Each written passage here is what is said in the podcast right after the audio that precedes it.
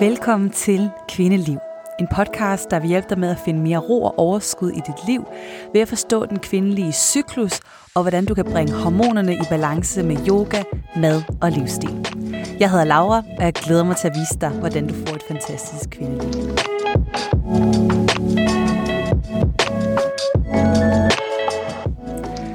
Det du skal til at høre i dag, det er et interview med et af mine medlemmer fra min yoga-platform. Jeg skrev nemlig ud og spurgte mine medlemmer, er der nogen, der har lyst til at være med i min podcast, og øh, kunne tænke sig at fortælle om, om deres oplevelse med, øh, med hormoner og cyklusen. Og så var der blandt andet en, Anna, som sagde, jamen jeg vil gerne fortælle om min historie med hormonprævention. Så jeg inviterede Anna hjem til mig, og øh, vi satte os og snakkede i øh, en lille times tid. Og det er den samtale, jeg gerne vil invitere dig ind i. Så øh, jeg synes selv, det var en, en meget rørende samtale og virkelig spændende, og jeg håber, du vil få en masse glæde ud af at lære lidt ud fra hendes historie. Måske vil du genkende dig i den, eller måske vil du bare blive klogere på hormonprævention generelt. Og øh, så møder jeg dig igen lige på den anden side, øh, når jeg har sagt farvel til Anna, fordi øh, der skete faktisk noget ret vildt, da vi optog den her podcast. Nemlig til sidst tog jeg en, en beslutning i min virksomhed øh, om noget, jeg gerne vil give til dig gratis fra nu af. Så bliv endelig hængende til sidst, hvor at, øh, at du vil høre lidt mere om det. Så vi ses på den anden side. Rigtig god fornøjelse. Hej og velkommen til. Jeg sidder her med Anna, som vil fortælle sin historie omkring sin brug af hormonprævention. Og vi sidder i mit lille soveværelse, som jeg har opbygget til et lydstudie, for at få lidt bedre lyd med dyner op af vinduerne. Og vi har en kop varm te, og, og ellers klar til at, til at snakke om det her. Så velkommen til, Anna. Tak skal du have. og øh, nu ved jeg ikke, hvornår jeg sender den her episode, men du er min allerførste gæst på min podcast, hvilket er mega spændende, og jeg glæder mig vildt meget til at snakke med dig. Jamen, jeg er så glad for at være her. det er så fedt. og øh, ja, Anna, jeg ved ikke, om du har lyst til at starte med at fortælle lidt om, hvem, hvem du er? Jamen, øh, det vil jeg gerne. Jeg hedder Anna og er 37 år, og jeg er mor til en dreng på 7 og en lille datter på 15 måneder. Og har en dejlig mand fra England, som jeg så har slæbt med over til Danmark igen. Øhm, og jeg, jeg er sanger, primært inden for noget opera, musical, har danset, spiller skuespil. Så alt det er gejl. Og øh, dyrker rigtig meget øh, bevægelse og yoga, og prøver at lære, at kroppen og psyken altså virkelig hænger meget sammen. Det var også det, der ligesom gjorde, at jeg opdagede dig, øh, og alt det, du tilbyder, din yoga-platform, og jamen alt det, der er Laura. Ja, det skal jeg måske også nævne. Den måde, vi kender hinanden, det er, at du er medlem på min yoga-platform. Og jeg har skrevet og spurgt jer, er der nogen, der vil være med i min podcast? Og så sagde du, ja, jeg vil gerne fortælle om min historie med hormonprævention. Yes. Jeg har meget på sinde. så skal vi ikke dykke ned i det? Jo, meget gerne. Øhm, jeg tænker mig om, du må egentlig fortælle det sådan, sådan lidt, som du har lyst til, men det kunne være, vi kunne starte med, med hvornår og hvorfor du begyndte på hormonprævention. Ja, det vil jeg rigtig gerne. Øhm, jeg startede på p-piller allerede som 15-årig, fordi det var da jeg blev seksuelt aktiv. Og øh, jeg havde en rigtig, rigtig sød kæreste i folkeskolen, du ved, og vi, øh, det var bare helt naturligt, at, at det var det, vi ligesom skulle opleve sammen. Øhm, og mine forældre vidste ikke. Så øh, det var i Odense, og der var et sted, der hedder Tiergården, øh, sådan en præventionsklinik, som man kunne dukke op på uden lægehenvisning, som netop var til for de her unge mennesker, som, altså, det er jo svært, ikke? For nu er jeg selv mor, og jeg, bare, jeg tænker bare, åh, jeg ville ønske, at jeg havde følt, at jeg kunne gå til min mor, eller mine forældre. Øhm, men der tror jeg, der er rigtig mange unge, der føler, at de ikke kan. Så på den måde var det rigtig heldigt, at der var sådan et sted, og så kom man derop. Men det var jo, øh, når jeg kigger i bagspejlet, øh, meget, meget begrænset, hvad jeg egentlig vidste, jeg begyndte på. Fordi de her p-piller, som jeg fik, øh, dannede ligesom et øh, altså fundament for mit humør i rigtig, rigtig mange år fremover. Øhm, så ja, jeg begyndte på p-piller, og øh, tog så p-piller, ja, hvor længe var det? Nok indtil jeg blev gift i 2012, da jeg var 28. Øhm, og jeg vil sige, da jeg så smed p-pillerne, fordi vi så begyndte at ville prøve at få vores første barn, efter vi blev gift, så, øhm, så ændrede mit humør sig drastisk. Altså, jeg blev et gladere menneske. Det var som om tone lettede fra mit hoved. Sådan en, øh, jeg, jeg havde sådan et øh, meget voldsomt temperament. Og meget sådan alt eller intet attitude, som jeg troede, at det er bare sådan, jeg er. Fordi sådan havde jeg jo altid i godsøjen været, så længe jeg kunne huske i mit sådan teenage voksenliv. Og tænk, altså, åh, jeg bliver så irriteret, fordi tænk, hvis jeg havde vidst, fra jeg var 15 til jeg var 28, at det var bare i godsøjne, i hvert fald en stor del af det, var de der ekstra hormoner, jeg proppede i min krop. Øhm, og at tage så stærke hormoner, imens du er ved at udvikle dig til en kvinde. Altså, der foregår jo også naturligt hormonramaskrig ind i din krop, når du er i den alder. Og så og, sådan, give et godt skud progesteron oveni. Mm. Er det ikke progesteron? Øh, jo. Ja, gestagen hedder ja, gestagen, okay. ja, ja. ja. Øhm, det er jo faktisk lidt crazy.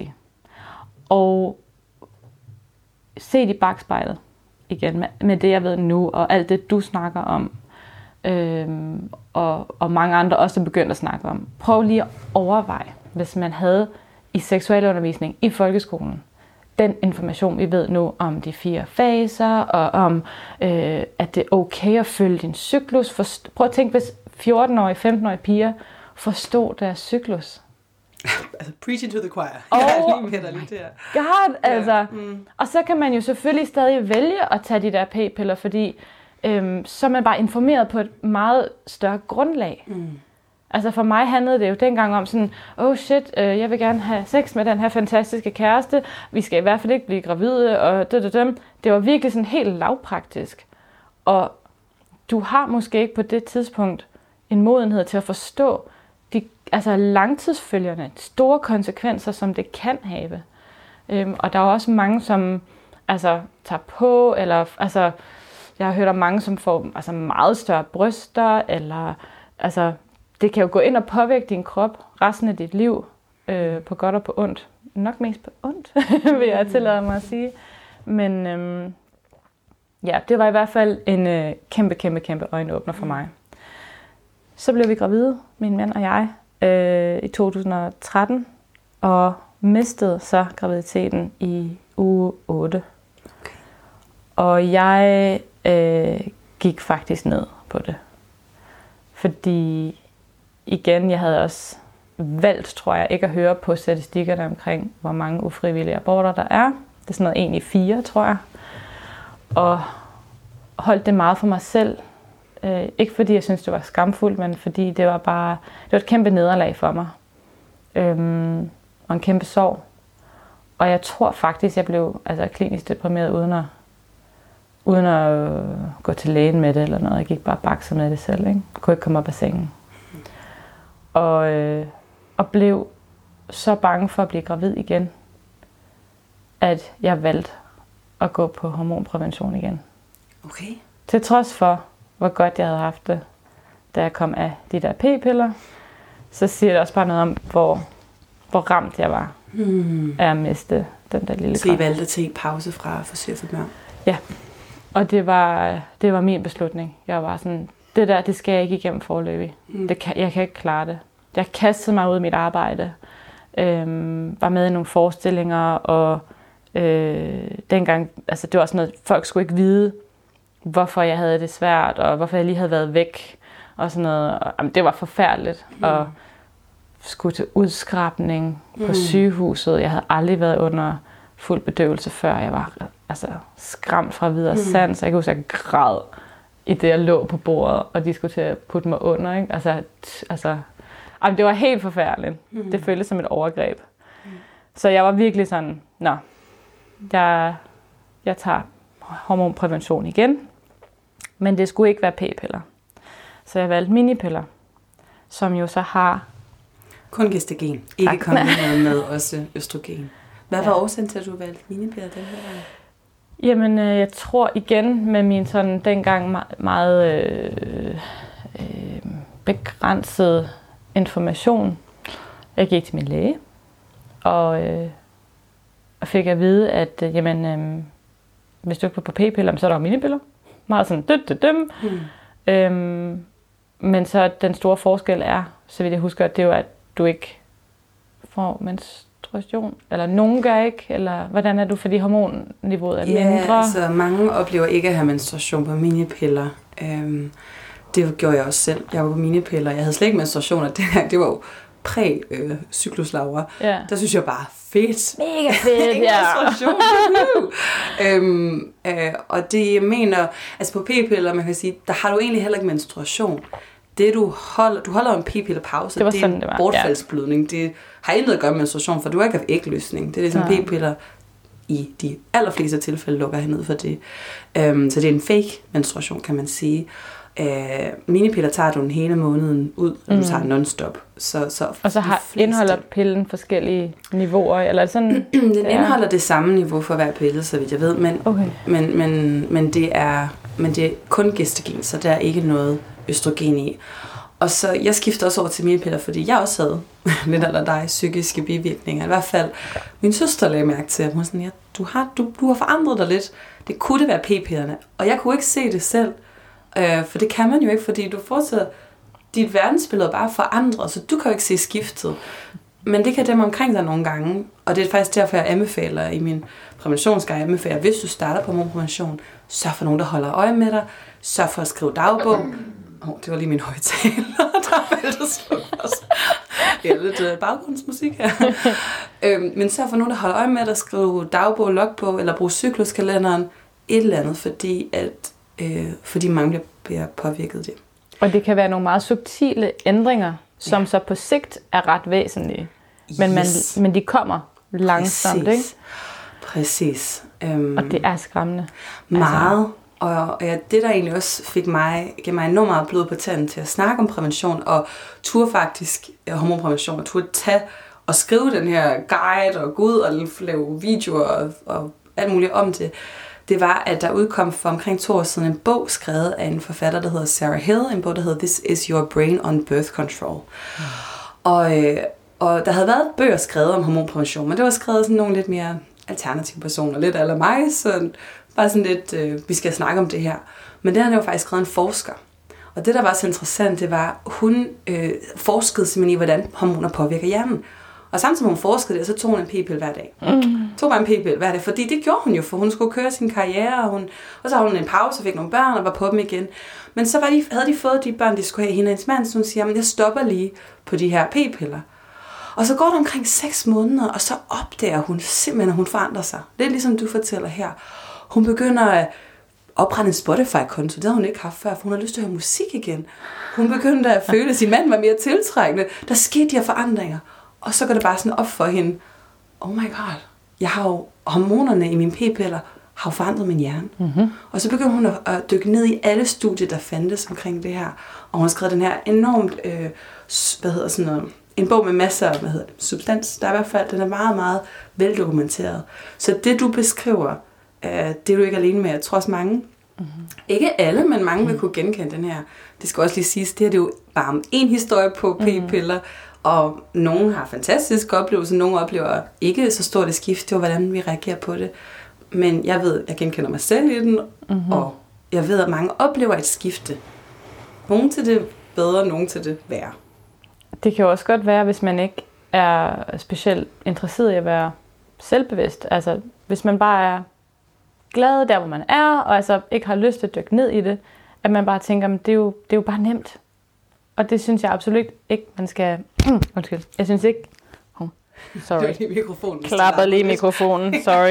Det er okay. Sidder lige her på Vi skal brystet. lige lære det her. Ja, jeg klapper herover. øhm, nej, jeg, jeg siger bare, øh, jeg synes ikke, man skal bebrejde nogen eller sig selv for at være der, hvor man tænker, jamen jeg kan faktisk ikke overskue, eller jeg har ikke lyst til at dykke ned i, altså hvorfor eller hvordan. Eller... Men jeg synes, øh, hvis man er nysgerrig på det, at det, er, det her det er noget, du ikke får at vide nødvendigvis af din læge. Mm. Det er ikke noget, du får at vide i en pjæse, du får med hjem. Det er ikke noget, du, hvis du googler det. Det er ikke det, er ikke det øverste, du finder i indlægssedlen, hvis det overhovedet står der. Nej, altså det er også svært at beskrive, øh, din hjerne forandrer sig.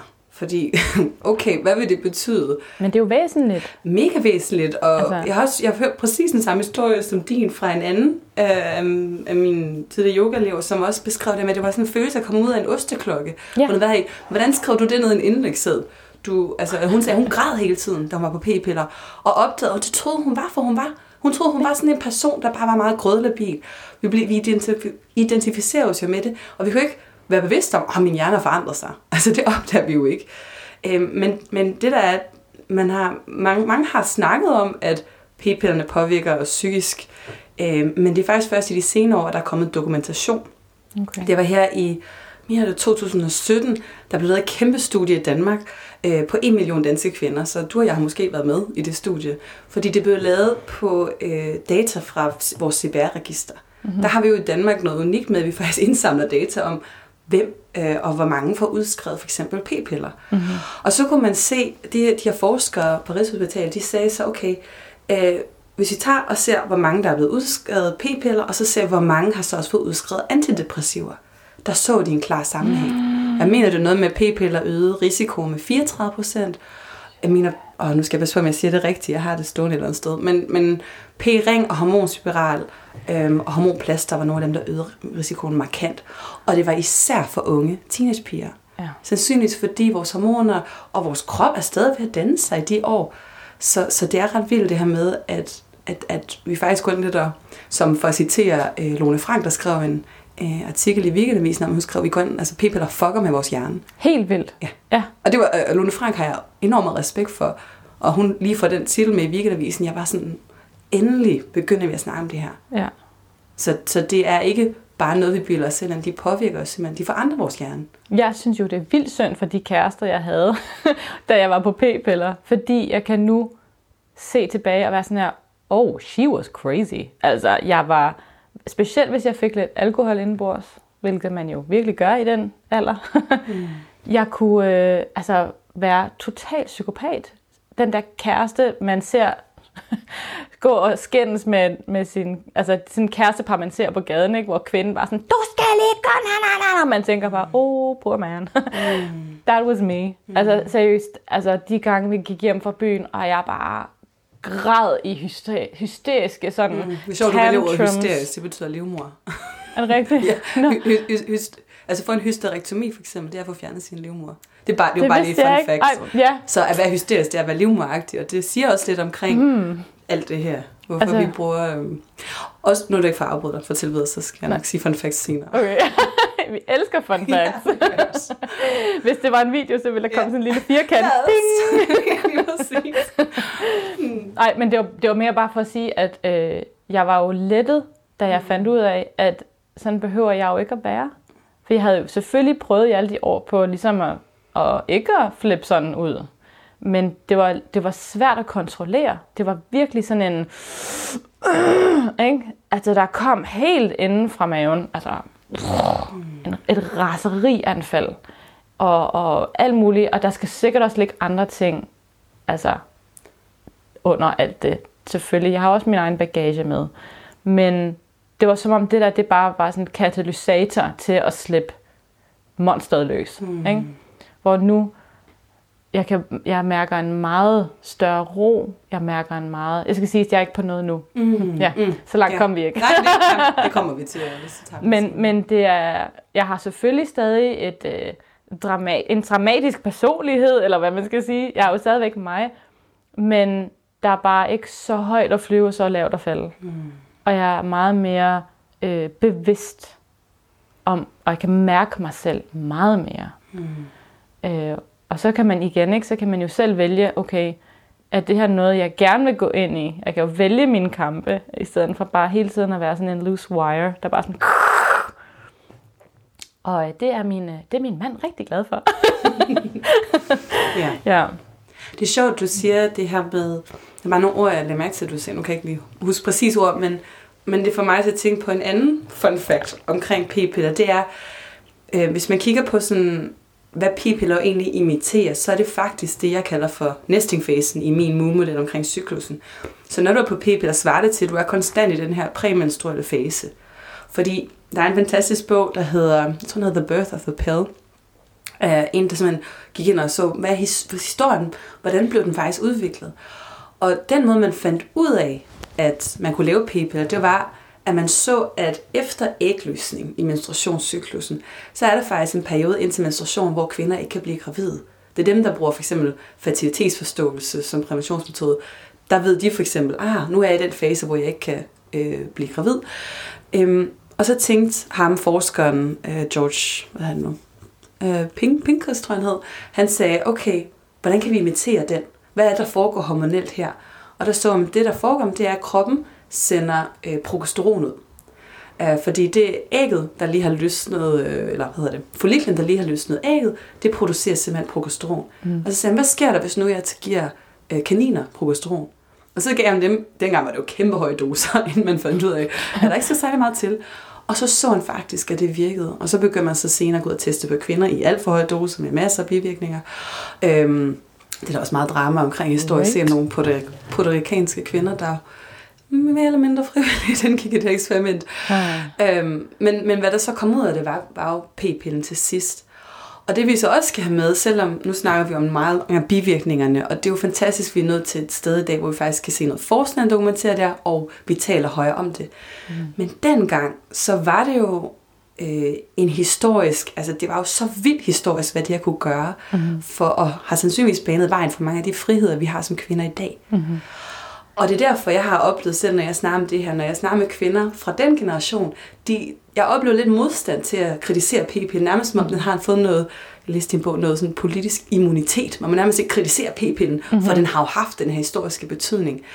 Og ja, det er rigtigt, men det nytter ikke noget, at kvinder har det dårligt, og ikke er sig selv, og ikke kan mhm. mærke sig selv, og det her, du nævner, det er jo bare en af bivirkningerne. Mm-hmm. Jeg tror, jeg har listet omkring 30 forskellige bivirkninger i min guide, alt fra blodpropper til, ja, Åh, oh, ja, jeg kan ikke huske dem alle sammen. så jeg fik jo nærmest akne af det, ja. og øh, øget vægt, og mm. altså der var også sådan nogle bivirkninger, mm. ikke, som jeg måske dengang bare tænkte, at det var noget andet. Altså det må være, Mens fordi... du var på p-pillerne ja, eller efter? Okay, mens. ja. ja. Faktisk, bare for at nævne, grunden til, at du får det, det er fordi, øh, det, øh, den udgave, kunstige udgave på progesteron, der er i p-pillerne, det der hedder gestagen, det ligner faktisk ikke progesteron særlig meget. Det ligner mere testosteron. Hvis man kigger på det sådan kemisk, den formel. Og det vil sige, at det kan faktisk sætte sig på testosteronreceptorer i kroppen. Og det er der, hvor det har sådan en, det man kalder en androgen virkende effekt. Og det kan faktisk både maskulinisere din hjerne, øh, det er en måde, den forandrer på, men det kan også give dig mandlige symptomer. Det vil altså sige sådan noget som øh, vægt, øh, hvad det, ja, eller det kan i hvert fald give noget vægtøgning, men det kan også give akne og øget hårvækst. Ej, hvor kan gå påvirke. Ja.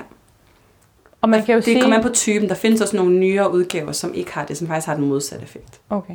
Mm. Ja, for der er nogen, der får p-piller af deres læge for akne. Er det ikke Lige rigtigt? præcis. Ja. Og det er nogle af de nyere udgaver, som faktisk kan reducere akne. Problemet med dem, og det var så...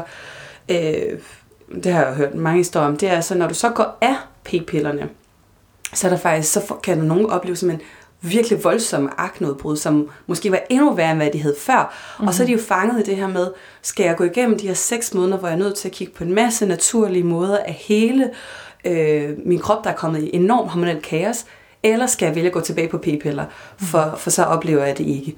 Og jeg kan godt forstå, at der er mange, der er forfængelige, eller det vil jeg nok også på et eller andet plan selv være det her. Jeg kan godt forstå, at man går tilbage, eller ja. endnu værre tager noget af det her virkelig, virkelig grumme aknemedicin, der kommer med voldsomme bivirkninger. Øhm, så... Igen, det er symptombehandling, ikke? føler jeg, hvis man går Præcis. til lægen, i stedet for at sige, okay, jamen vil du kigge langsigtet, mm. og have det godt i din krop, have balance, mm. eller, eller vil du gerne have det bare gå væk? Ja. Altså lidt sådan, ja. holder, holder sig for ørerne, lukker øjnene, ja. la, la, la, ikke? Bare få det til at forsvinde, kan jeg læge. Og så, ja. og så får du en recept. Ja, og som du også selv sagde, altså, det er det underkender ikke, at der er nogen, der sådan siger, at jeg har brug for en, en hurtig løsning. Det der jeg har selv været der. Ja, og det kommer an på os, hvor vi er i livet, og også, det man også kan tage med, det er også, hvor stor hvor meget gider jeg faktisk tage ansvar for prævention, fordi mm. den metode, jeg for eksempel bruger fertilitetsforståelse, når jeg er sammen med en partner, det kræver ret meget af en kvinde. Mm-hmm. Øh, for der skal man holde øje med ting og alt muligt, og holde øje med sit udflod og tage sin temperatur. Det kan godt være en 15-årig tænker, det kan jeg simpelthen ikke overskue. Det kunne øh, 29-årige Anna heller ikke. Nej. Eller hvad, hvor gammel var jeg så? For det var jo sådan, vi fik vores, øh, vores nu 7-årige søn. der var jeg, ja, jeg var så 30, ikke? 29-30.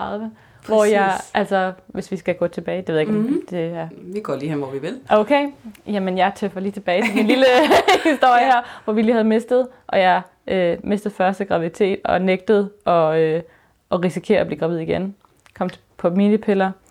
Og så, øh, fordi de ligesom, de kunne ikke holde øh, mine blødninger væk, så jeg blødte faktisk on and off, meget eller lidt, hele tiden. Wow. Hele tiden. Og det, Det er sjovt. det er ikke sjovt, det er opslidende. Det, jeg gik nærmest igen lidt psykisk ned på det, fordi jeg var, jeg stod også og skulle lave forestillinger, og måtte altid gardere mig for, om jeg lige pludselig fik en blødning. Wow. Øhm, og det var virkelig stressende, og min krop var stresset, kunne jeg mærke. Ikke? Fordi den skulle hele tiden, den var sådan, hvad sker der? Øhm, så dem gik jeg af igen ret hurtigt. Jeg kan ikke huske, hvor lang tid jeg var på. Men øh, samtidig med det her skal lige siges, min mand gik ned med arbejdsrelateret stress og blev langtidssygemeldt med en depression, en rigtig svær depression.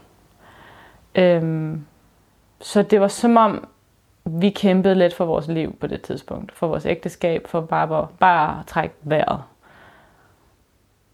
Og jeg vælger stadig at gå af i de her minipiller, fordi jeg kunne bare ikke overskue det. Og så lavede vi den der safe period, Mm, hvad vil det sige? som, altså hvor man kan, hvad hedder det, hvad kalder du det, hvor man øh, sikrer perioder, Nå, ja, hvor, okay. man, hvor man kan dyrke sex uden... Men uden en app eller brug af termometer og udflod og alt det Jeg der? havde en meget, meget regelmæssig cyklus. Okay. Altså nærmest, hvis jeg Ja. ikke fik det inden for altså formiddag på Ja. den dag, så var jeg sådan lidt, hmm. Okay, okay. Og det har jeg altid haft, altså nærmest klokkeslætteligt, mm. øh, hvis jeg skulle have min menstruation. Så på den måde var jeg sådan, okay, jeg ved, hvornår jeg har ægløsning, jeg kan mærke, hvornår jeg får ægløsning, mm. det har jeg altid kunnet. Mm. Øhm, efter jeg smed p-pillerne, Ja, selvfølgelig. ja. Ja, for man Så, er ikke øh, ægløsning, når man er på p-piller. Præcis. Mm. Men det var mere sådan, jeg, jeg, jeg var ret bevidst om min cyklus, men jeg har aldrig brugt apps eller taget temperatur eller noget. Det vidste jeg slet ikke dengang. Ah, okay, så det var mere kalendermetoden, du egentlig brugte? Ja, Okay, for det skal lige siges til dem, der lytter med og tænker sådan, ah, er lidt skeptisk over for det. Kalendermetoden vil jeg bestemt ikke anbefale, fordi den er meget usikker.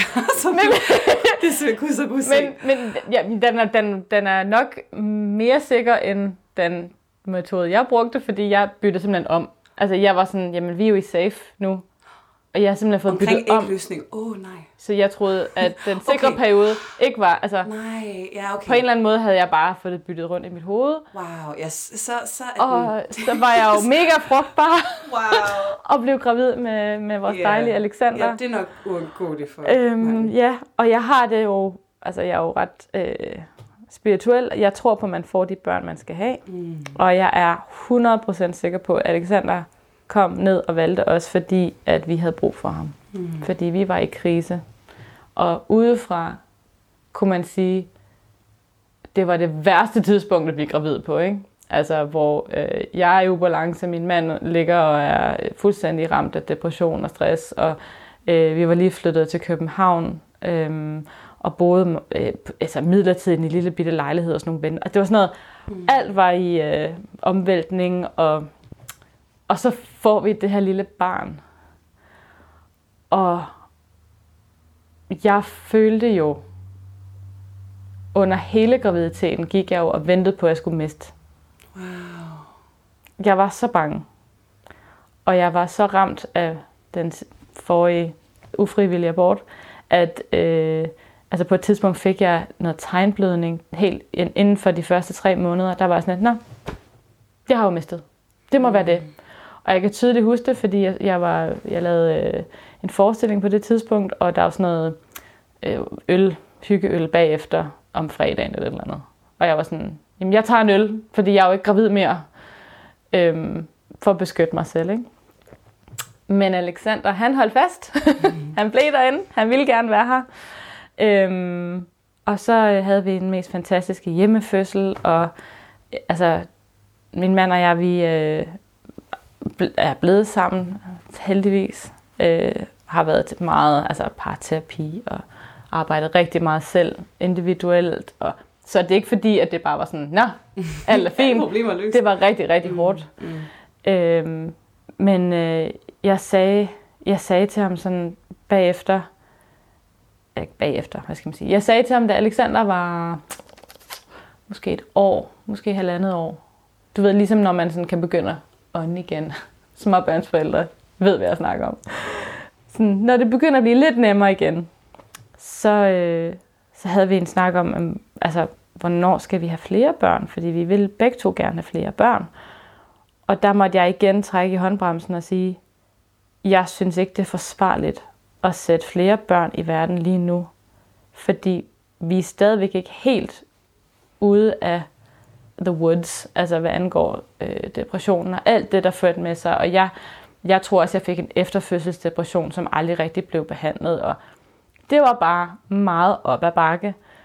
Så der gik jeg på minipiller igen. Mm. Øh, mest ud af, af desperation.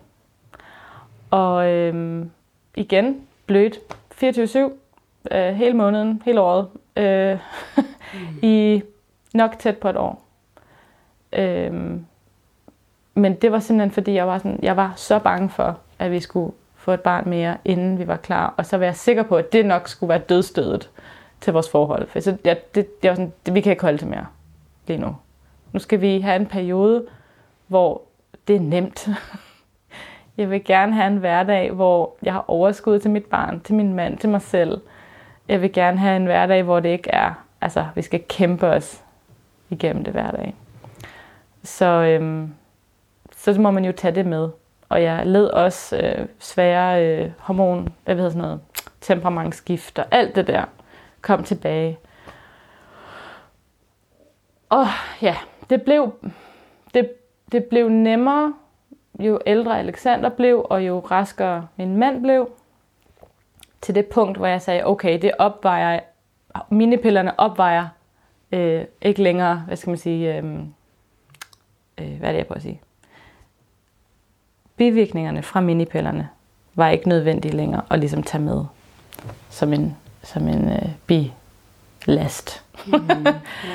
jeg ved ikke, om det giver mening, det jo, jeg siger lige nu. Jo, men øhm, så dem, dem droppede jeg så igen, og så gik der nok sådan noget to eller tre år, hvor vi simpelthen brugte kondom. Mm. Og min mand var meget, meget tålmodig, fordi han blev ved med at sige, jamen, vi er et ægtepar. Øhm, det er de færreste ægtepar, tror jeg, som altså fast bruger kondom. Øhm, og der var det så, at jeg var meget hissig og var sådan lidt, jamen vi er stadigvæk ikke helt der, hvor jeg føler, det er forsvarligt at sætte børn i verden, men jeg nægter. Jeg nægter at putte flere hormoner i min krop. Jeg var sådan her, hvis du gerne vil gå ud og gøre noget, be my guest. Indtil da, så bruger du kondom. altså, jeg blev nødt til at sige, nu, ikke mere nu. Jeg gider ikke mere. Og der var jo, altså, vi snakkede om det lige øhm, over Messenger før mm. i dag, men jeg er jo meget passioneret omkring, hvorfor filan der ikke er mere forskning og udvikling på prævention til mænd.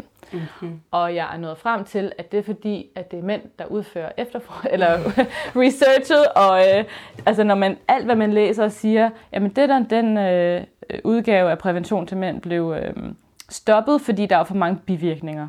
Og så er jeg bare sådan her, oh no shit Sherlock. Øh, alle kvinder i hele verden kan stå og vifte med hænderne og sige, øh, hvor mange bivirkninger? Altså det der pisse unfair. Nu bliver jeg rigtig ja. passioneret, ja, ja, kan jeg mærke. Altså, jeg, jeg er med dig.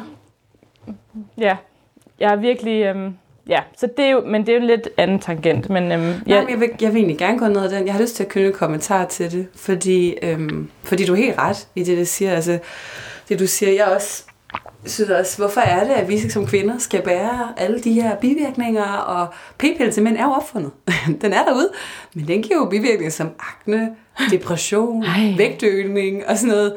Hmm, hvor har vi hørt om det før? Ja. Øhm, men, men det, man sådan skal tage med perspektiv, fordi man kan sige, det der er udfordringen, det er jo, dengang da p-pillerne kom ud, der var de jo også sådan, skal, vi, skal de udkomme til mænd, eller skal de udkomme til kvinder? Og der var ligesom ingen, der overhovedet diskuterede, selvfølgelig skal det være til kvinder. Det er jo hende, der bærer barnet. Præcis, Ja. og det er jo der, hvor biologisk set, så er der jo en ulige vægt mm-hmm. i, at det er os, der har mest på spil. Mm-hmm. Det er os, der risikerer at gå ni måneder med et barn, som så vil tage hvad, 18 år, lige at skulle opfostre, mm. øhm, hvor biologisk set har mænd ikke den samme, øh, det samme niveau af investering. Mm. Det er også derfor, man mener, at vores hjerner, simpelthen som kvinder, har udviklet sig til at være, som de er. De er sådan, der foregår en selektions øh, altså proces i hjernen, som vores cyklus faktisk styrer, som er Mhm. mega spændende. Vi kan, simpelthen, vi kan simpelthen snuse os frem til det rigtige match. Og det er så jo en helt anden spændende boldgade. Det er jo så også, at p-piller kan faktisk påvirke vores, vores duft, vores lugtesans. Mm-hmm. Øhm, fordi at det er så vigtigt, at vi vælger den rigtige partner. Det betyder ikke, at man vælger den forkerte partner på p-piller. Det betyder bare, at vi, nogen, det påvirker i hvert fald vores hjerne, vi kan gå efter forskellige parametre. Mm-hmm. Det var ikke det, jeg ville hen. det, jeg, jeg kan også gå tænke Det, jeg vil sige, øhm, det var, der var et naturligt bias for, at, at den her p-pille skulle udvikles til kvinder. Og, øh, og faktisk også ret interessant, den udkom også på et tidspunkt, hvor et halvt år efter, var der en kæmpe skandale øhm, med noget, hvad var det nu? Uh, Thalamide. Det var noget med et medicinpræparat, der blev givet til gravide kvinder, som faktisk gav deforme børn. Så den kom ud, inden der var mange, mange restriktioner omkring, om hvorvidt man kunne godkende medicin. Og, altså det, det er en helt, helt vildt dramatisk historie omkring p-piller. Det var en bestemt mand, der sad og skulle godkende det fra FDA i USA, og han var lige blevet påvirket på den måde, og han så det på sådan en måde. Øh, men, men det der i hvert fald var, der er mange facts her, øh, da p-pillerne til mænd kom ud, så kender vi jo til bivirkninger omkring p-piller til kvinder. Så der er bare en hel masse forbehold.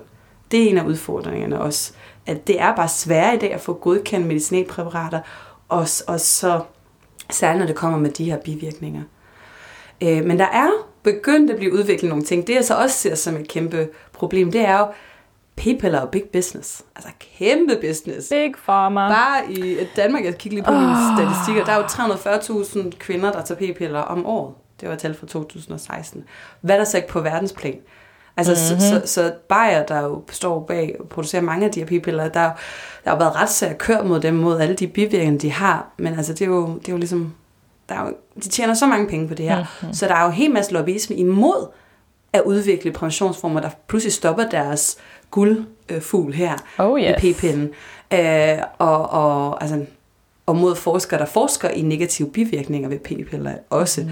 Så derfor, altså, Don't det går trust langsomt. the system. Ja, Anarki. Nej. men det går virkelig, virkelig Ja. langsomt. ja. Øh, det vi kan se for eksempel, der er ved at blive udviklet en form, jeg har set to spændende initiativer.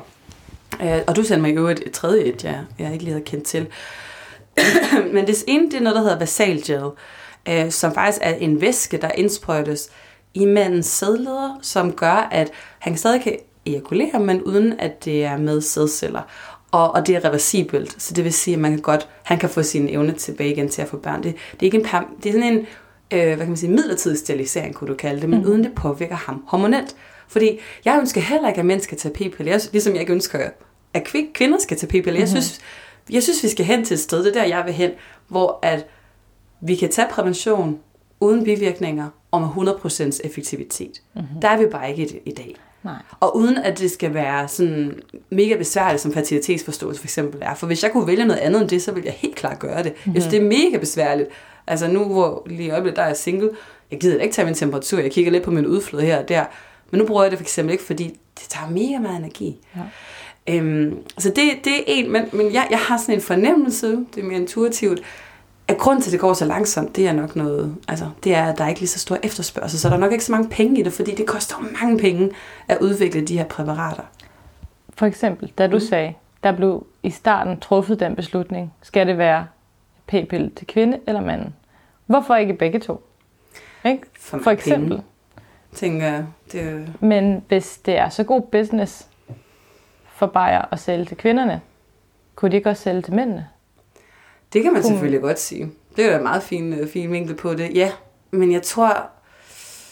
Hmm, det ved jeg ikke. Hvis der er nogen mænd, der lytter med, så kunne jeg være nysgerrig mm. på, øh, hvad vil de, vil de tage det? Fordi det er jo, altså prævention er jo faktisk et valg, man skal træffe sammen med sin, sin partner. Mm-hmm. Øh, og jeg ved også, det er ikke, fordi vi skal hænge mændene ud. Nej, de er nej, ikke Nej, ikke. nej, det siger jeg heller ikke, vi gør. Men Nej, det, det der, mænd er jo heller ikke interesseret i, at kvinder skal have de bivirkninger. For det første går der også ud af dem. Ja, en kvinde konstant i. PMS. Ja. Det er ikke særlig sjovt. Plus hun får lavere sæklyst og akne og bliver sur. Altså, alle de her ting, det er jo ikke, det er jo ikke ønskværdigt for nogen parter. Mm-hmm. Øhm, men det spørgsmål er, hvorfor kan vi ikke finde noget, som ikke har nogen bivirkninger overhovedet? Ja. så hverken kvinder eller mænd skal tage det. Og desværre så tror jeg, fordi at den større investering ligger for kvinder, så jeg vil selv, vil, man kan også, nu, nu sidder jeg bare og tænker højt, ikke? Altså, hvis vi forestillede os en verden, hvor at der fandtes en p-pille til mænd og en p-pille til kvinder, vil du så, øh, hvis du var single, gå i seng med en mand, der siger, ja, jamen, jeg tager p-pillen, øh, jeg tager p-pillen til mænd. Fordi der skal også noget, han skal huske at tage den hver dag. Mm-hmm. Det er jo også det, altså... Men til- omvendt, altså vi har tænkt nøjagtigt samme tanke mm. faktisk her til morgen, hvor jeg var sådan lidt, øh, der er jo også virkelig mange situationer, hvor mænd får øh, nøje i godsøjne Mhm. over, at de går i byen og møder nogle kvinder, som i godsøjne bare vil have nogle børn. Altså, Oh, dem, yes. de, altså hvor Ja. det er med omvendt foretegn. Ja. Hvor mændene altså får at vide, nej, du skal ikke bruge kondom. Jeg er på Jamen, p-piller. jeg er på ja. p-piller, ikke? og så hov, de får et barn. Mm. Jeg kender ikke nogen personligt. Det er, altså, det er totalt an- Men det anecdotal, det her. Mm. Bare i forhold til, at man skal jo netop stole på den anden.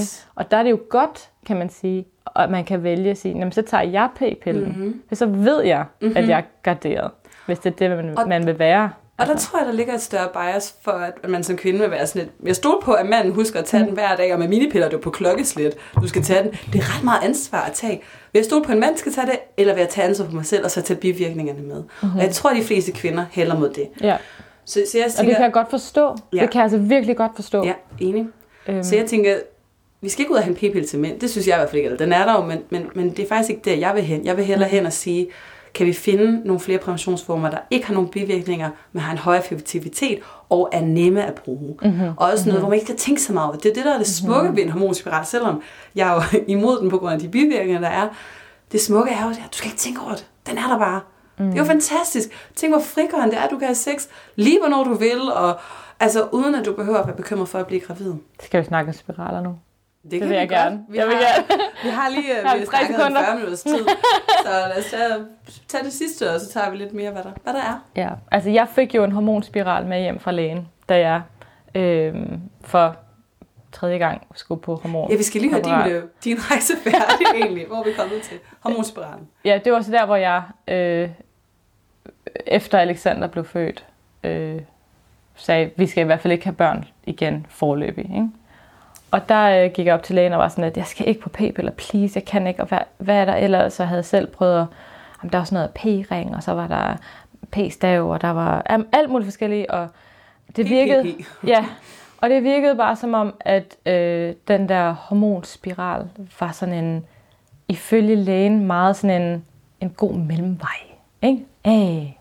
Og øhm, der er også koverspiralen, men som du også selv var inde på på din podcast, altså den går jo ind, dens, dens funktion er at irritere livmoren. Og der skete et skifte for mig fra før jeg fik mit barn, mit første barn til efter.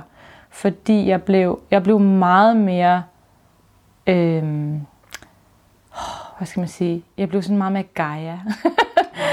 Wow. øhm, Som betyder moder jord, ikke også? Til Jo. dem, der ikke lige det. Ja. Jeg tænker på en yoghurt. Sorry, ja, ja. Jeg blev meget mere yoghurt. Øh, nej, jeg blev meget mere sådan, min livmor er et helligt sted. Den skaber de børn, jeg skal have og har fået. Det er et vidunderligt sted i min krop, som jeg skal værne om, som jeg skal elske. Og jeg skal ikke skælde den ud for at give mig menstruation. Jeg skal ikke skælde den ud for dit og datten. Jeg skal, jeg skal virkelig være god ved den. og, så, og så strider alt bare i mig for at putte noget op i den, som sidder og irriterer den konstant. Altså som går op og siger, hey, du kan, du kan jo i, teorien godt, så vidt jeg har forstået, få et befrugtet æg, når du har en koverspiral. Ikke? Den kan bare ikke sætte sig fast i livmorslimhinden. Er det sådan, det er? Uh, det ved jeg faktisk ikke i detaljer. Men jeg ved, at, at, at hvis du bliver gravid på korsbær, så er det meget farligt, så det skal man sørge for at få, en, få hjælp til, hvis det sker. Ja. Det kan Ja. ja. godt være. Altså, Jeg, noget jeg er ikke helt hvordan- sikker på de nej, facts. det er jeg heller ikke helt. Men, men det var i hvert fald, det jeg sådan nåede frem til, det var, at man, det var ikke sådan en, sæden bliver forhindret i at møde ægget. -agtigt. Det var mere sådan en, der kan ikke komme et barn ud af det, fordi mm. det går, ægget går til grunde før. Fordi den der spiral sidder og irriterer slimhinden, sidder og, og sådan, den er derinde og sådan, Arr. Og det er jo egentlig det samme, hormonspiralen gør. Den gør bare, at livmorslimen er så tynd, at der ikke er nok næring til, at det her befrugtede ikke kan sætte sig fast. der Det er derfor, go. man stadig har ægløsning på korsspiral og hormonspiral. Okay, you know De fleste har hormonspiral. Nogle oplever, at den stopper en periode. Jeg kunne i hvert fald mærke, at jeg fik den her spiral med hjem, og jeg sad og kiggede på den i, i indpakningen. Og den er, den er også dyr. Den koster sådan noget 1600 eller et eller andet. Mm. Så jeg var sådan, okay, nu har jeg købt den. Det var ikke bare sådan en, man fik med, vel? Men så man sad sådan, oh, nu, har jeg, nu har jeg købt den. Som om det skulle... Åndssvagt, ikke? Men som om det sådan ligesom... Det, det tror jeg meget psykologisk meget normalt. Og jeg sad bare og kiggede på den, og jeg var bare sådan her, alt i mig var bare sådan, du skal overhovedet ikke tæt på min krop. Wow. Altså, jeg blev nærmest harm. For igen, den der sådan, hvorfor skal min krop lide? Fordi at jeg prøver faktisk på at være øh, øh, responsible, hvad hedder det på dansk? Øhm, det skal lige siges, jeg er halv amerikaner. Jeg er immigrant, okay? Jeg, jeg, øh, jeg er altså lidt, lidt en immigrant. Nej, øhm, altså jeg prøvede jo ligesom at, at ikke bare blive gravid, fordi, du ved, ej, men jeg gider ikke. Jeg gider ikke til stilling, eller jeg gider ikke være på prævention. Jeg prøvede jo ligesom på at være god ved vores familie, vores situation, og sige, jeg synes lige, vi skal tage en lille breather, inden vi får flere børn. Øhm, men prisen var bare for høj til sidst. Altså for helvede. Jeg var bare sådan, hvorfor står jeg mellem pest og kolera lige nu? Øhm, og så er det, jeg gik tilbage til den der, jeg må jo så få de børn, jeg skal have. Og så, så holdt jeg op med at, med at tage noget, og gav den der hormonspiral tilbage til min læge. Mm. Vi havde en aftale, for jeg var meget sådan skeptisk, da hun gav den til mig. Jeg havde en aftale, jeg måtte mm. gerne aflevere den tilbage. I emballage selvfølgelig. Men øhm, øhm, og det, jeg kunne bare mærke, jeg, jeg var så lettet, da jeg havde truffet den beslutning. Jeg var mm. så lettet over, at sådan, that's done. Så må vi tage de forbehold, vi nu tager. Øhm, og ja, som sagt, min søde mand fandt sig i, at øh, det hed kondom i, i fl- flere år. Hmm. Og, øhm, og, og det takker jeg ham for, fordi jeg kan godt se, at det, altså, når man er i et fast forhold, at det også må være anstrengende. Øhm, og så var det jo, vi nåede dertil, hvor vi var sådan, okay, er vi ikke klar til, til at Alexander skal have en lille søster og lillebror? Åh, oh, det er vi. Så, øhm, og så kom hun faktisk, tror jeg, efter min anden cyklus Hmm. uden kondom. Så synes Aya, hun skulle komme og sige hej. og hun er så de der 15 måneder nu. Wow. Og det er lidt specielt, fordi øh, jeg har jo ikke fået min menstruation endnu. Mm. Øh, og altså, jeg ammer hende stadigvæk. Mm. Det er og derfor. Du danner prolaktin, det undertrykker ægløsning. Dog ikke konsekvent. Med, altså, Det er jo det. Så det, man kan ikke bruge det som prævention, desværre. desværre. Men, men kroppen er jo intelligent, den siger, hov, du har travlt med at amme en. Vi skubber lige, vi sørger lige for at undertrykke ægløsningen indimellem. Ja. Mm. Men jeg, jeg er faktisk nået dertil, hvor jeg går og, og håber på, at jeg snart får det. Mm. Fordi øh, det er også noget med, og sådan, jeg føler, at den der sådan udrensning, mm. sådan start cyklusen på ny. Cyklusen er åh. fantastisk. Amen, ikke? Og igen, for lige at runde af, hvor vi startede. Tænk hvis Anna på 15 år, som skal til at have sin første samleje med sin dejlige kæreste. Tænk, hvis jeg havde haft bare en brøkdel af den her forståelse. Også selvom det måske er for tidligt i forhold til ens modenhed. Mm. Det er vigtigt. Det er så vigtigt. Ej, Anna, jeg sidder og bliver helt rørt og får næsten tårer i øjnene. Fordi det er sjovt, lige, jeg synes, det er den smukkeste måde, der slutte den her samtale på, fordi for fem minutter siden, da du sad og snakkede, så fik jeg sådan en, min præventionsguide skal være gratis. Den kom bare til mig sådan, ja, nu bliver du også rørt. Men det var sådan en, hvad, øh, fordi jeg tog penge for den, det fortæller jeg dig. Jeg har taget penge for den, og jeg vil også sige tak til dem, at har købt den. Men det var fordi, der ligger et kæmpe stykke arbejde i den. Jeg har simpelthen bare læst så mange bøger, og jeg har haft en læge ind over den, og jeg har, altså, en gynekolog ind over den. Jeg har virkelig været sådan, det har bare været, det har været en fed, et fødselsproces. Jeg tror, den har været i hvert fald ni måneder undervejs. Og jeg tænkte, ej, jeg kan simpelthen ikke give den gratis ud på det tidspunkt. Men nu har jeg medlemmer som dig, folk der er med på min yoga-platform, og det er faktisk på grund af jer, at det går bedre i min virksomhed, så jeg faktisk kan sige, ved hvad det her, det kan jeg gøre gratis. Det er Så- fantastisk. Ja, så, så, øhm, så det har jeg besluttet. Jeg besluttede for et par minutter siden, og nu, er det bekræftet med den der smukke ting, hvis en på 15 år kan få det. Og jeg udgav for lidt siden en gratis guide til teenagepiger om menstruation. Og tænk, hvis de kan have præventionsguiden i hænderne også. Ja. Og så har de de to, og så er det bare, welcome to your cycle. Og, og jeg kan Og det skal ikke nogen. være skamfuldt. Nej. Det skal ikke være sådan noget, man holder meget hemmeligt. Og jamen, åh, den der Præcis. urkvinde skal Præcis. ud. Gaia skal leve. Åh, ikke? Ja. Uden at det Wow. skal være alt for... Altså, der er mange, der sikkert lytter til det her og tænker, øh, jeg stiger lidt af Ja. på det der. Og det er så fint. Mm. Men, men det kan være, at din, kan lytters, øh, indgangsvinkel til det er en lidt anden, men det ændrer jo ikke på, at hvor ville det være dejligt, hvis man... Hvis det her kunne blive hverdagsinformation, øh, Præcis. hvis det her kunne blive lige så øh, almindeligt at, at vide noget om, som Præcis. så meget andet, som en 15-årig går har i hovedet. Ja. Og Det skal ikke være hjælp. farligt. Det skal ikke være weird. Det skal ikke være skamfuldt. Og det skal ikke være en shaming af p-piller, fordi rigtig mange kvinder har en god oplevelse på p-piller. Jeg er da glad for jer. Undskyld, nu tappede jeg lige mikrofonen okay. igen. Okay. Jeg har åbenbart behov for at tappe mit bryst rigtig Ja, meget. du, du connecter til hjertet, Ja, det er kun godt. Øhm, jeg er da super, super taknemmelig for, at jeg kunne gå ned på Tiergården i Odense. Mm. Jeg tror ikke, det eksisterer længere, så det er ikke, fordi der er reklame eller noget. Mm. Men, øhm, men jeg er da super taknemmelig for, at der var nogen der til at guide mig. Ja. For jeg har også lige den der lille bianekdote, der hedder, at jeg jo selv er øh, et resultat af en amerikansk teenagepige, som wow. blev gravid Wow. øhm, med sin daværende teenage kæreste, Wow. og, øh, og gik og var øh, faktisk virkelig flov over det. Mm. Øh, gemt graviditeten væk fra sine forældre. Mm. Øh, gemte sig væk, tog ikke i skole. Øh, tog endda til en anden stat på en abortklinik, hvor det, altså i hendes stat, der var det ikke øh, lovligt at få abort, øh, når man var så langt henne, som hun var, da hun opdagede, hun var gravid. Altså hun vidste intet. Mm. Og, øhm, og hun var også de der, jeg tror hun var 16. Og ender så med at, inden jeg blev født, at aftale, at, altså at finde mine adoptivforældre. Så det hele var aftalt, før jeg blev født. Og så føder hun mig, og så hun kunne ikke give slip på mig. Hun, og hun, men hun ville ikke danne bånd. Så de første fire dage i mit liv, der blev jeg holdt af sygeplejersker, og hun nægtede at skrive under på papirerne, men hun kunne ikke... Det har været så hårdt for hende. Det har været så svært. Og tænk, altså, jeg er jo fortaler for, at man kan vælge at tage de her p-piller, til trods for, at mm. jeg jo selv, hvad skal man sige, måske ikke var blevet til, hvis det var mm. tilfældet. Eller også, at man blev måske bortadopteret. Mm. Ja, hvad hedder det sådan noget? Øhm, aborteret. Mm. Øhm, jeg er også tilhænger af fri abort. Altså, Mm. Så det er, sådan, det, er sådan, det er et mærkeligt tema for mig, fordi jeg netop eksisterer. Fordi, Og alligevel synes jeg, det er så perfekt, det er dig, der er med her på podcasten og snakker om det.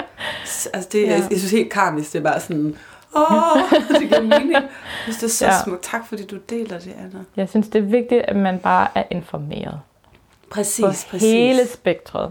Ja, Få det hele med, og så Ja. kan du selv danne, at, at træffe din beslutning.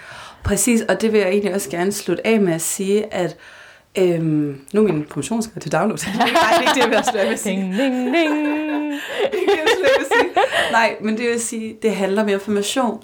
Det handler egentlig om at have information, så du kan træffe en velinformeret beslutning. Mm. Det handler ikke om, at om du skal bruge p-piller, eller kobberspiral, eller kondomer. Øhm, i øvrigt lige, øh, det handler også om typen af kondomer. Der kan jeg anbefale nogen. Du kan få dem med hjem herfra. Der er rigtig gode, så kan du teste dem af.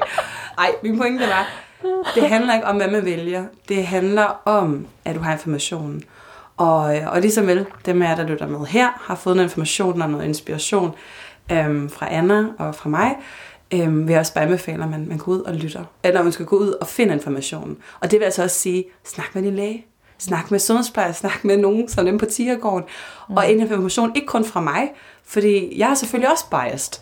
Øhm, jeg husker, at hende gynekologen, hun læste min guide igennem, hvor hun kaldte hun mig vist nok socialkonstruktivist. Fordi jeg er sådan, virkelig sådan, og du er godt nok biased og imod de her p-piller, hvor jeg var nødt til at tone den meget mere ned og blive meget mere neutral, men den er jo stadig altså, langt mere øh, til en retning. Så, så prøv at indhente det modsatte perspektiv. Mm. Læs nogle bøger, der taler for p-piller. Tal med din datter. Ja, altså tal med, med folk omkring det her, fordi ja. sådan så du kan have information til at træffe en beslutning. Og så vil jeg bare lave mit bidrag, som, øh, som, som giver det her vinkel på det, og det er også derfor, jeg har taget dig med, Anna, for at høre mm. din historie, for jeg ved, jeg ved, at der er mange, der har øh, en lignende historie. Og jeg vil også anbefale alle, der lytter med, del det endelig, øh, om det er sende mig en mail, eller jeg ved ikke, hvordan man laver min podcast, en, en kommentar ind på Instagram, hvor end det er, du lytter med. Øhm, fortæl det, og måske del din historie. Øhm, det, jeg tænker, det, der, det kan der være rigtig mange kvinder, både unge, som, øh, som har været på p-piller, eller overvejer at stoppe, eller overvejer at starte, der har brug for information. Yes. Af hjertet tak, Anna. Det var simpelthen den smukkeste første gæst, jeg har til her. Det var tak, helt vildt. fordi jeg måtte være her, Laura men... fra Filan. jeg synes, at, uh, jeg skulle sige, we made history. Det ved jeg ikke, om vi har gjort. Men i hvert fald måske for, for, for mig. ja, det er det historisk. Så tusind tak, Anna. Tak, fordi jeg måtte være med. Og tak til alle, der lyttede med til vores snak. Velkommen tilbage igen efter snakken med Anna. Jeg håber, at øh, den gav dig en masse gode indsigter og en masse værdi. Og som jeg nævnte til sidst, så øh, tog jeg den her beslutning, da vi sad og snakkede. Jeg mærkede sådan rent intuitivt, hey, min præventionsguide, den skal være gratis fra nu af. Så øh, det har jeg gjort. Den ligger simpelthen nu på øh, prævention.dk med AE, så P-R-A-E og så vention, v e n t i o Hvis du går ind på den side, og jeg har også lagt et link i beskrivelsen af den her podcast, jamen så kan du downloade min præventionsguide. Det er altså en ret så omfattende guide. Øh, jeg har i hvert fald øh, brugt en masse tid på at indsamle den her information til dig, sådan så du kan få den information, du har brug for til at tage et informeret valg omkring prævention. Og jeg vil endnu en gang understrege, øh, det her det er baseret på mine erfaringer, på min research, så det er altid en god idé at have en læge med indover og, og indsamle information fra forskellige kilder, bare så du er helt sikker på, at øh, du får den rigtige vejledning. Jeg har så gjort mit bedste for at give dig den ud fra mine erfaringer, og den håber jeg, øh, det håber jeg kan hjælpe dig øh, til at blive klogere på prævention og finde en metode, som virker for dig. Så øh, med det sagt vil jeg egentlig bare sige tak, fordi du lyttede med på den her episode. Hvis øh, øh det var noget, du kunne bruge, må du hjertens gerne dele det med andre. Dele den her podcast-episode med andre, som, øh, som er i tvivl måske om, hvad de skal bruge af prævention. Øh, eller er i tvivl om hormonprævention er det rigtige, så er det i hvert fald en historie her at lade sig inspirere af. Så tak fordi du lyttede med, og vi høres ved i næste episode. Tak fordi du lyttede til Kvindeliv. Hvis du er nysgerrig på at lære mere om din cyklus og hormoner, så kan du finde mig på Instagram og Facebook under navnet snabelaglaugrup.dk eller besøge mig på min hjemmeside laugrup.dk. Vi ses i næste afsnit. thank you